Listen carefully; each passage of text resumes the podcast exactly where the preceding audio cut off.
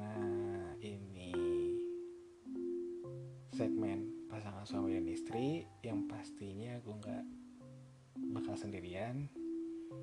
Di sebelah gue udah ada istri gue halo ya? Hai. oke kali ini kita mau bahas apa sih yang kira-kira ya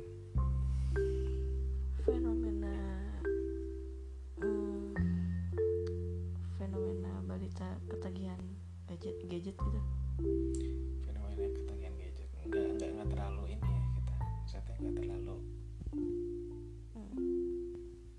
nggak terlalu apa ya telat nggak sih ngebahasnya Enggak sih. Karena makin ke sini kayak makin banyak deh. Bayi-bayi ketagihan gadget gitu. ya juga sih at least mungkin nggak nggak dinaikin naik ke permukaan karena mungkin udah jadi sesuatu hal yang lumrah kali ya Hmm. Eh, batita atau balita gitu ya balita atau batita hmm, punya gadget gitu.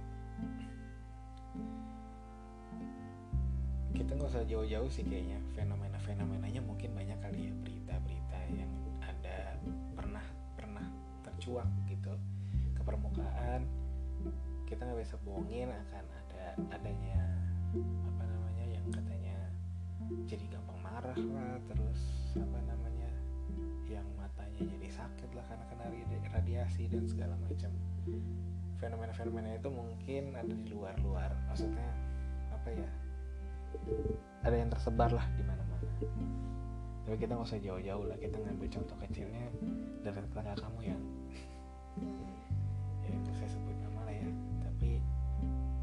pasti kita cukup kaget dan terkejut karena kita akhirnya tahu bahwa tetangga kamu itu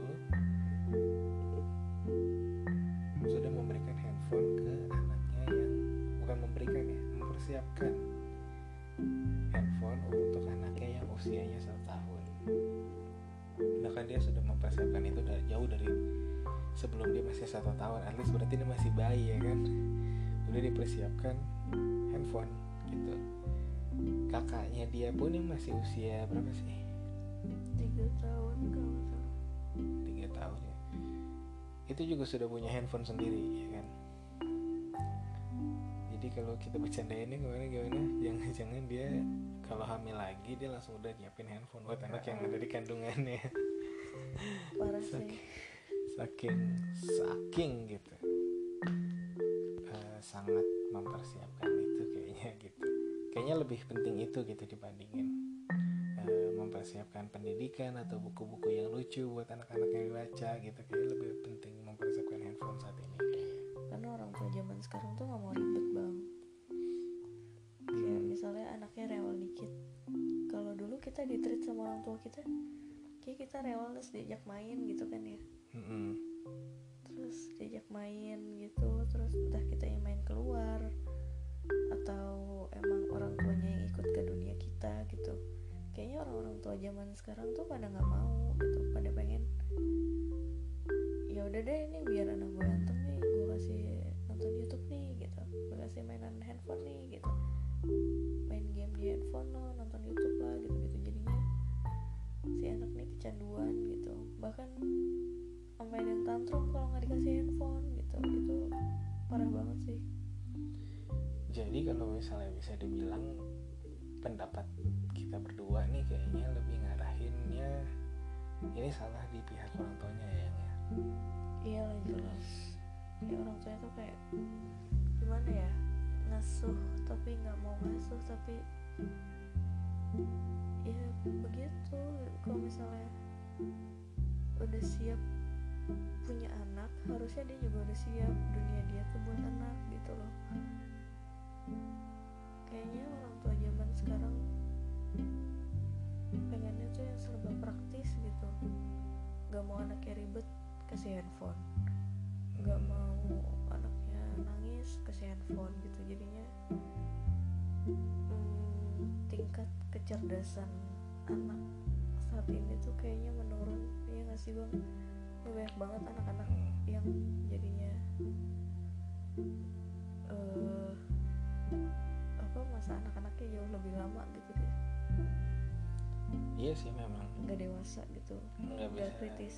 Ya nggak bisa dipungkiri bahwa emang selain paparan radiasi yang mungkin akan mempengaruhi mata dia gitu kan ya at least kan kita kan nggak tahu ya paparan radiasinya seberapa banyak handphone ke mata kita sendiri aja kita nggak ngerti gitu.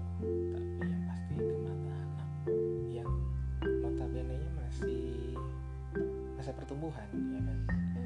Masih sangat masih sangat apa ya butuh banget vitamin A dan segala macam. Ini dia dikasih vitamin cahaya gitu kayak vitamin radiasi gitu ya masa radiasi jadi vitamin ya.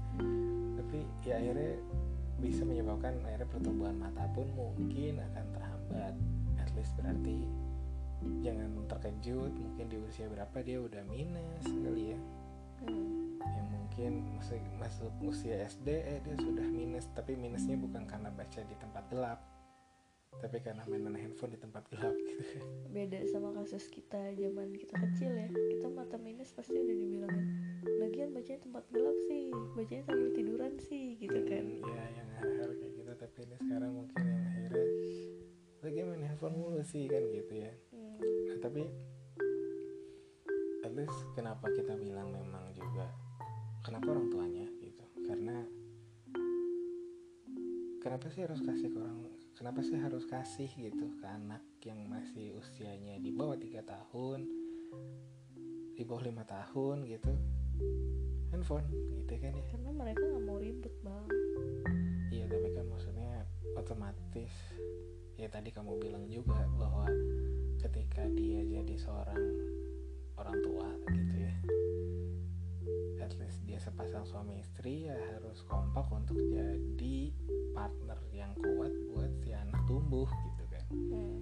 kalau ternyata eh, dia menyerahkan semuanya sama handphone ya jangan kaget dia akan jadi anak yang menuhankan handphone gitu atau nggak dengerin apa yang orang tuanya bilang. Malah lebih belain handphone gitu kan kayak yang ya mendingan orang tua nggak ada deh daripada handphone gue nggak ada gitu kan. Ya misalnya kayak gitu. bisa jadi akan timbul seperti itu sih karena ya emang ya nggak bisa dipungkirin apa ya eh, tindakan kita yang memberikan handphone ke anak di usia bawah tiga tahun atau di bawah lima tahun. Menurut gua salah sih. gitu menurut kita berdua salah banget gitu. Ya karena kasihan gitu. Pertama dunia main dia berkutat hanya di sekitar layar 6 inci gitu paling gede. Sedangkan dunia dia luas gitu menurut kita ya nggak sih? Hmm. dunia anak-anak tuh luas banget gitu ya. Dia mau main ke lapangan kayak dia mau lari-larian di taman kayak gitu kan. Terus yang dia mau main bola kayak segala macam gitu. Mungkin ya efeknya nggak terlalu ser apa ya nggak terlalu terasa gitu ya di usia dia masih di bener-bener usia dianggaplah misalnya di usia 2 tahun kita sudah mengajarkan anak menggunakan gadget gitu misalkan paling tidak untuk permainan lah mikirnya permainan edukasi gitu. Tapi ternyata efeknya bisa jadi malah di usia dia 4 tahun atau bahkan lima tahun gitu yang tadinya dia berpikir tadinya kita berpikir wah aman kok dia mainnya selalu edukasi dan terpantau gitu. Tapi ternyata jadi candu. Dia jadi candu gitu. Di saat harusnya dia sudah di sekolah TK gitu. Dia nggak betah di, dengan suasana TK-nya dia lebih betah di depan gadgetnya gitu. Yang otomatis nantinya malah yang tadi balik lagi ke masalah ansos. Tapi waktu itu tuh ya bang waktu aku pulang kuliah itu tuh hmm, kan naik kereta kan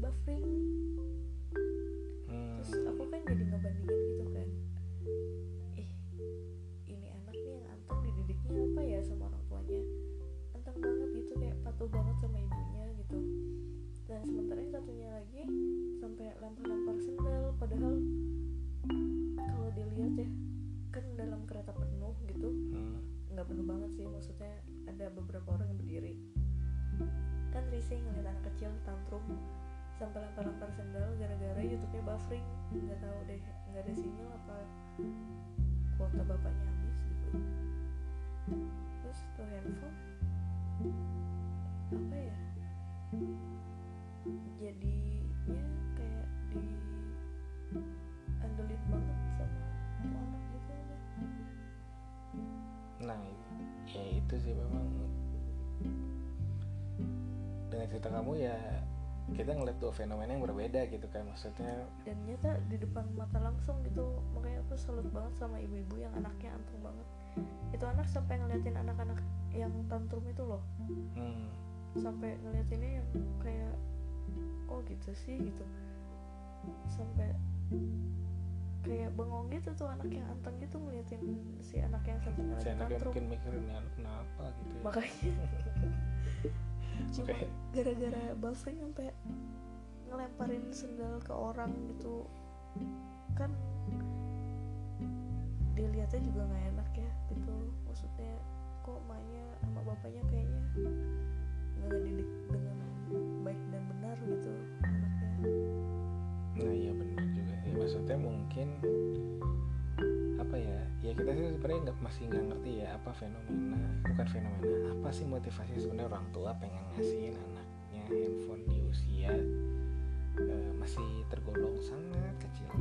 Mungkin mungkin bukan dikasihin handphone yang tadi seperti tetangga kamu itu udah gitu yang udah disiapin handphone khusus gitu. Itu mah lebih parah lagi kayaknya ya gitu. Tapi at least mungkin memberikan pinjam handphone kita sebagai orang tua gitu ke si anak. Yang akhirnya anak menguasai full. Hmm. apa pun yang eh, ada di handphone kita. Ya terutama mungkin beberapa aplikasi lah ya yang mungkin dia paham mungkin aplikasi permainan atau aplikasi YouTube gitu kan yang saat ini lagi in banget gitu.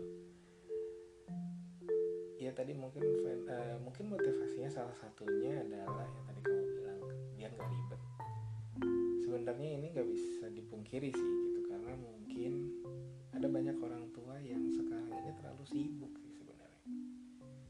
Sibuk sama dunia sendiri gitu. Ya nggak sih? Maksudnya kita eh, ada banyak orang tua di luar sana yang akhirnya eh, apa ya ya lagi ngerjain sesuatu dan fokus ngerjain sesuatu atau lagi asik dengan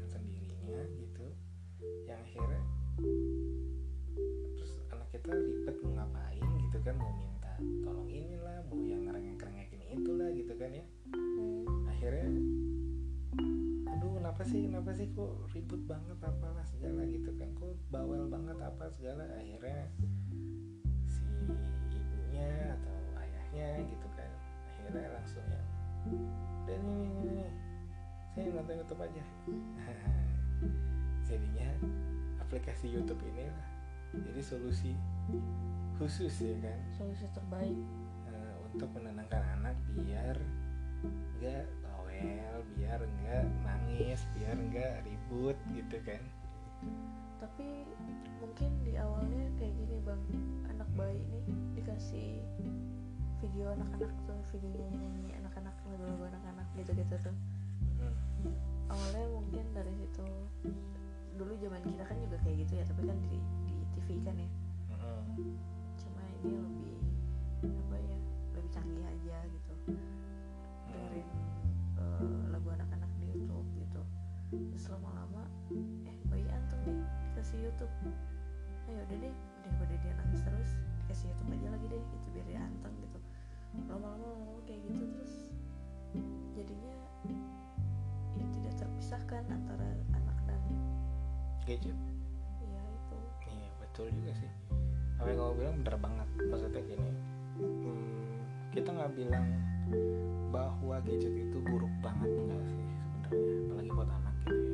At least sekarang kita juga nggak bisa pungkiri bahwa eh, beberapa sekolah TK atau bukan TK sih ya, SD deh udah banyak gitu sekolah-sekolah SD yang menggunakan gadget sebagai media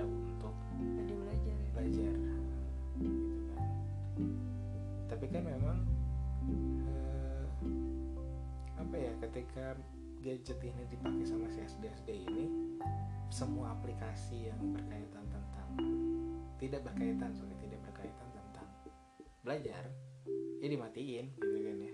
Hmm. ya tidak digunakan atau tidak bisa diakses gitu kan. At least berarti eh, ada encryption khusus di sekolahnya juga gitu yang bikin aplikasi-aplikasi sosial media dan juga YouTube gitu tidak bisa diakses gitu kan. Nah tapi kita nih gitu sebagai orang tua lagi-lagi sih kaitannya orang tua pastinya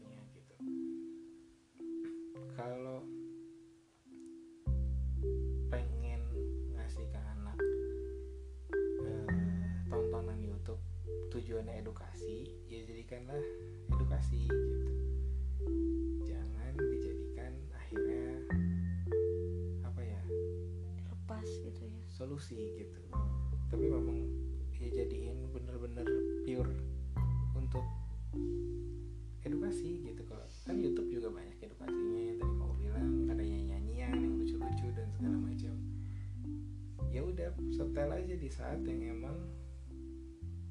juga memantau kita juga bersama dia nonton bersama dia gitu kalau perlu. lah ya. Ya betul. Nah dan itu pun juga batasi aja ya paling enggak cukup satu video cukup gitu loh. Bukan akhirnya jadi solusi ketika ibu atau ayahnya lagi ribet gitu. Karena emang awal mulanya nggak bisa dibohongin pasti dari situ sih awalnya. Karena kit- karena si orang tua menemukan sebuah pencerahan. Sebuah wah gitu. Berarti anak gue hebat nih. Gadget mania. Gitu karena kan entah kenapa ya secara dari dulu deh maksudnya dari zaman kita juga kecil ketika kita kenal komputer kita kan juga kayak cepet ya mempelajari komputer ya. Nah anak sekarang juga gitu kayaknya. Touch oh, menyentuh nyentuh layar handphone tuh udah kayak udah ngerti banget gitu. Secara memori memori dia juga kayaknya kelihatan kayak oke banget gitu di mata orang tua ya nggak sih? Nggak bisa dipungkiri loh kadang ada orang tua yang bangga banget kalau anaknya ngerti aplikasi. Itu udah fenomena juga tuh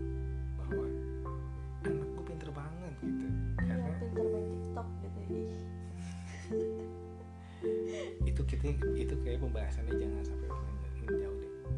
Ntar itu kita bahas sendiri fenomena Oke. itu Dan juga disensor. Oh iya fenomena tok tok ya ntar itu kita bahas nanti aja.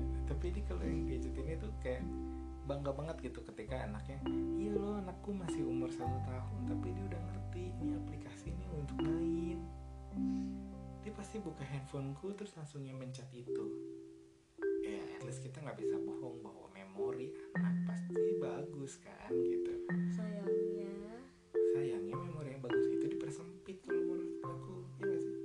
Dipersempit bentuk ke layar 6 inci itu gitu. Jadinya dia cuma hafalin aplikasi dan dia ngafalin aplikasi itu kan juga bukan karena baca tapi ya karena dia dia tahu bentuknya. Hmm, dia tahu bentuknya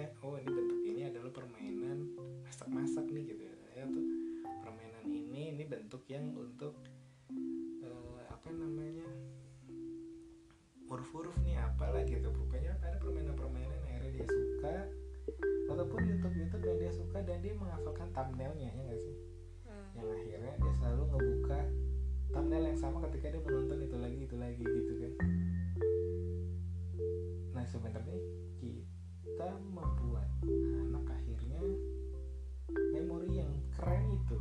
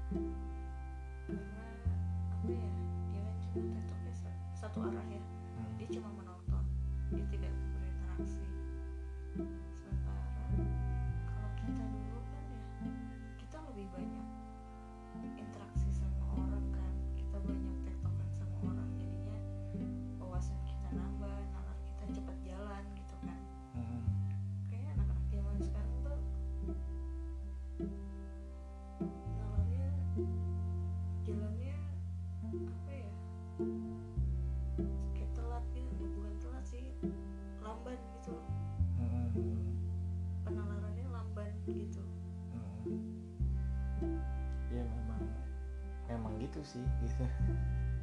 Apalagi yang sudah kecanduan handphone sih kerasa banget ya bedanya kayaknya ya.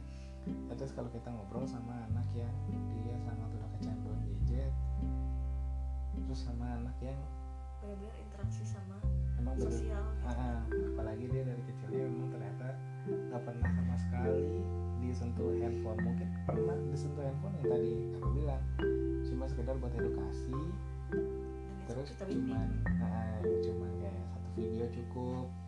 Terus ah, satu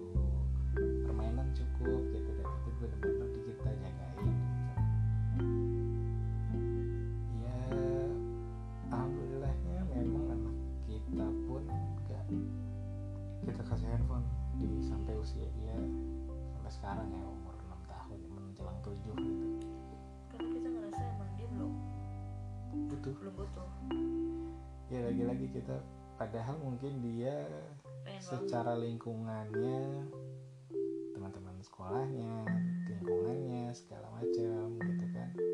Sudah punya gadget yang bermacam-macam. Salah satunya gadget yang paling in banget tuh gitu kan yang di jam-jam itu tuh yang pakai jam gitu kan. Nah, itu bener-bener yang sangat mempengaruhi anak-anak untuk yang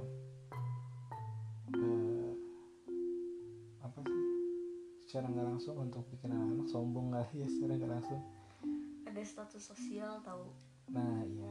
Apa? Jenjang jenjang sosial ya? Iya ada ada. Jadi kalau misalnya eh, aku pakai jam itu abang enggak gitu? Aku lebih kaya dari abang gitu. Mm, gitu. Ya kak ya itu tuh jam itu tuh emang yang luar biasa ya. Mempengaruhinya tuh wow banget gitu. Dan hampir semua semuanya meriak atau bikin video, Video tentang jam itu. smartwatch itu. Iya. Dan eh ya kita punya kita punya eh, apa namanya nih TV smart gitu smart TV yang akhirnya anak kita lebih memilih mendingan anak menonton YouTube-nya kalaupun dia menonton YouTube di TV TV gitu pertama mungkin secara radiasi lebih tidak lebih besar dibandingin handphone yang di mana tapi tetap kita batasin kan? Oh iya pasti itu. Makanya anak kita memang kita bener-bener arahin untuk yang segini jam segini cukup gitu. Udah gitu dan karena itu di TV jadi kita masih yang liatin terus dia nonton apa. Terus kalau misalkan dia udah ngulang-ngulang terus nontonan yang sama suka kita yang ganti dong yang baru yang lebih informatif atau bahkan kadang-kadang kita ambil alih remote-nya untuk dia nontonin hal-hal yang lebih baik dibandingin tontonan dia sendiri ya kan hmm. ya menurut menurutku jadi ya salah satu smart TV ataupun yang sekarang kan udah ada aplikasi box smart TV yang kayak gitu-gitu itu udah jadi solusi sih daripada si anak ke ke, ke gerandungan kegandrungan. Kegandrungan gitu. ya. At least dia akan bisa nonton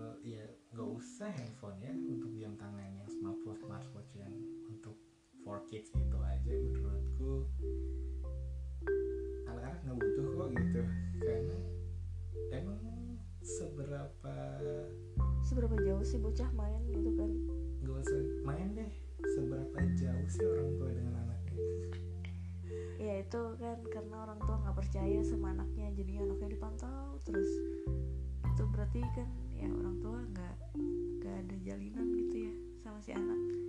Eh, ya, si orang tua nggak nggak- percaya anak si anak juga risih apa bukan risih ya? Enggak sih anak sih mikirnya gaya itu. Iya sih benar. Si anak mikirnya ya tapi kalau aku diawasin terus sama ma mama mama risih. Ya ya pokoknya untuk yang smartwatch itu aja kok kayaknya itu happening banget dan itu entah kenapa kok kita liatinnya kayaknya ada di kalangan yang notabene maaf ya bukannya akhirnya bawah. Ya maksudnya bukannya menstratakan manusia tapi kok malah menengah dan menengah ke bawah yang akhirnya banyak punya anaknya tuh dibeliin eh, smartwatch itu. Bahkan kaweannya kan banyak ya. Iya Dan pada akhirnya- beli KW KW akhirnya beliinnya yang KW nya gitu. seharga handphone ya seharga handphone yang punya kapasitas RAM 4 GB apa ya, 6 GB terus Ya, internal memorinya 128 ya lumayan gitu kan. Emang tapi memang hmm, ya akhirnya ngebuat anak sih akhirnya lagi-lagi ansos sih gitu karena dia akan lebih memilih untuk terus ngeliatin si smartwatch atau si handphonenya dibandingin dia bersosialisasi dengan teman-temannya gitu. Ya kalau kita boleh saran akhirnya sebagai orang tua ya cobalah untuk bisa memilah. Ini sih saran dari kita pribadi ya maksudnya bukan atas dasar atau gimana tapi cobalah untuk akhirnya dunia anak-anak ini menjadi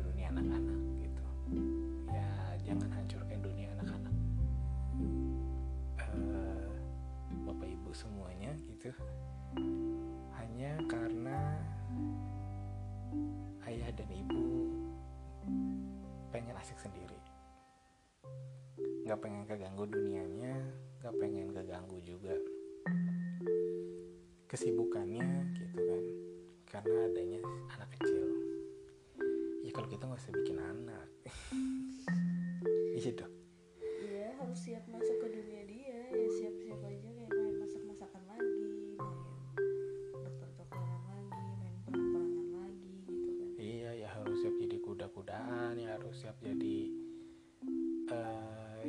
seru lah jadi kasir-kasiran lah apa ya pokoknya apa imajinasi anak ya ikutin gitu dibanding ya sesibuk apa pun kita ya paling tidak kita menyiapkan waktu sedikit saja untuk akhirnya di- bermain sama dia yang itu lepas dari gadget. Dia nggak butuh apa-apa kita dia cuma butuh waktu betul. buat main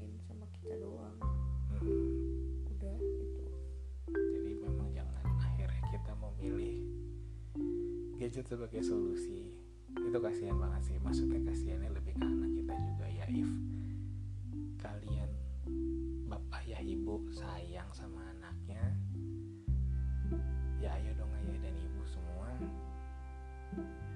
eh, tarik gadget dari anak-anaknya jangan pernah kasih gadget sama sekali kalau perlu sampai dia benar-benar butuh kalau dia udah benar-benar butuh dan kita juga rasa bahwa misalkan usia sekolah dia SMP yang notabene mungkin SMP-nya jauh perlu jemputan dan segala macam yang akhirnya kita ada rasa khawatir dia pulang langsung pulang atau tidak dan segala macam gitu kan. Atau ibu-ibu yang bekerja juga akhirnya bisa memantau apakah jemputannya sudah menjemput atau belum dan segala macam gitu kan. Akhirnya dia butuhlah handphone itu. Nah baru deh boleh hmm, apa ya memberikan handphone itu dengan kegunaan yang cukup dibutuhkan sama si anak di usia segitu. Tapi sebenarnya kalau dia ikut jemputan kan bisa aja ngabarin jemputannya. Iya sih ya bisa juga nggak bisa. Sebenarnya masih banyak cara karena dulu juga di zaman kita ada jemputan juga gitu. SMP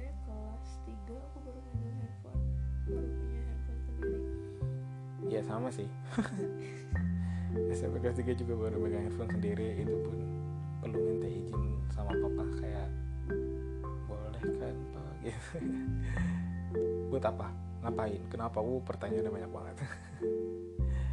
Ya tapi emang coba lah kalau misalkan ayah ibu di luar sana yang eh, dulu juga masa kecilnya sama kayak masa kecil kita. Sekarang coba kita balikin lagi juga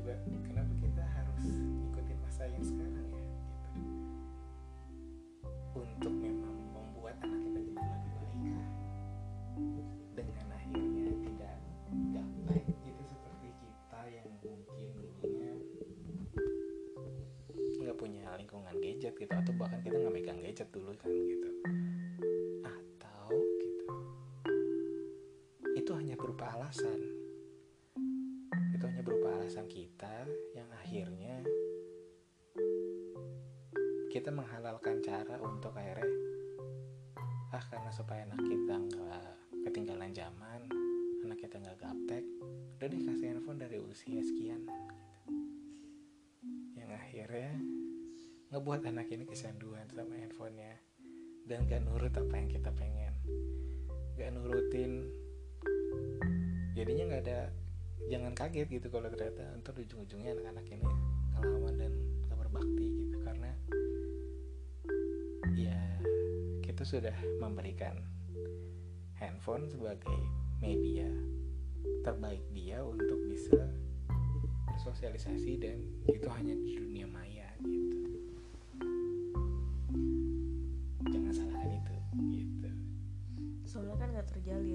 hubungan antara anak dan orang tua. Orang tuanya ngapain? Anaknya sibuk nonton YouTube. Betul. Orang tuanya masih buka apa? Sibuk apa? Ya ujungnya emang kayak gitu gitu. Oke deh ayah ibu di luar sana. Pasangan suami istri yang ada di luar sana sekian aja kali ya podcast kita kali ini. Bahasan tentang eh, bahayanya gadget gitu. Karena semua yang kita dari tadi obrolin lebih sering banget kita bahasnya melalui pendapat kita atas dasar pengalaman kita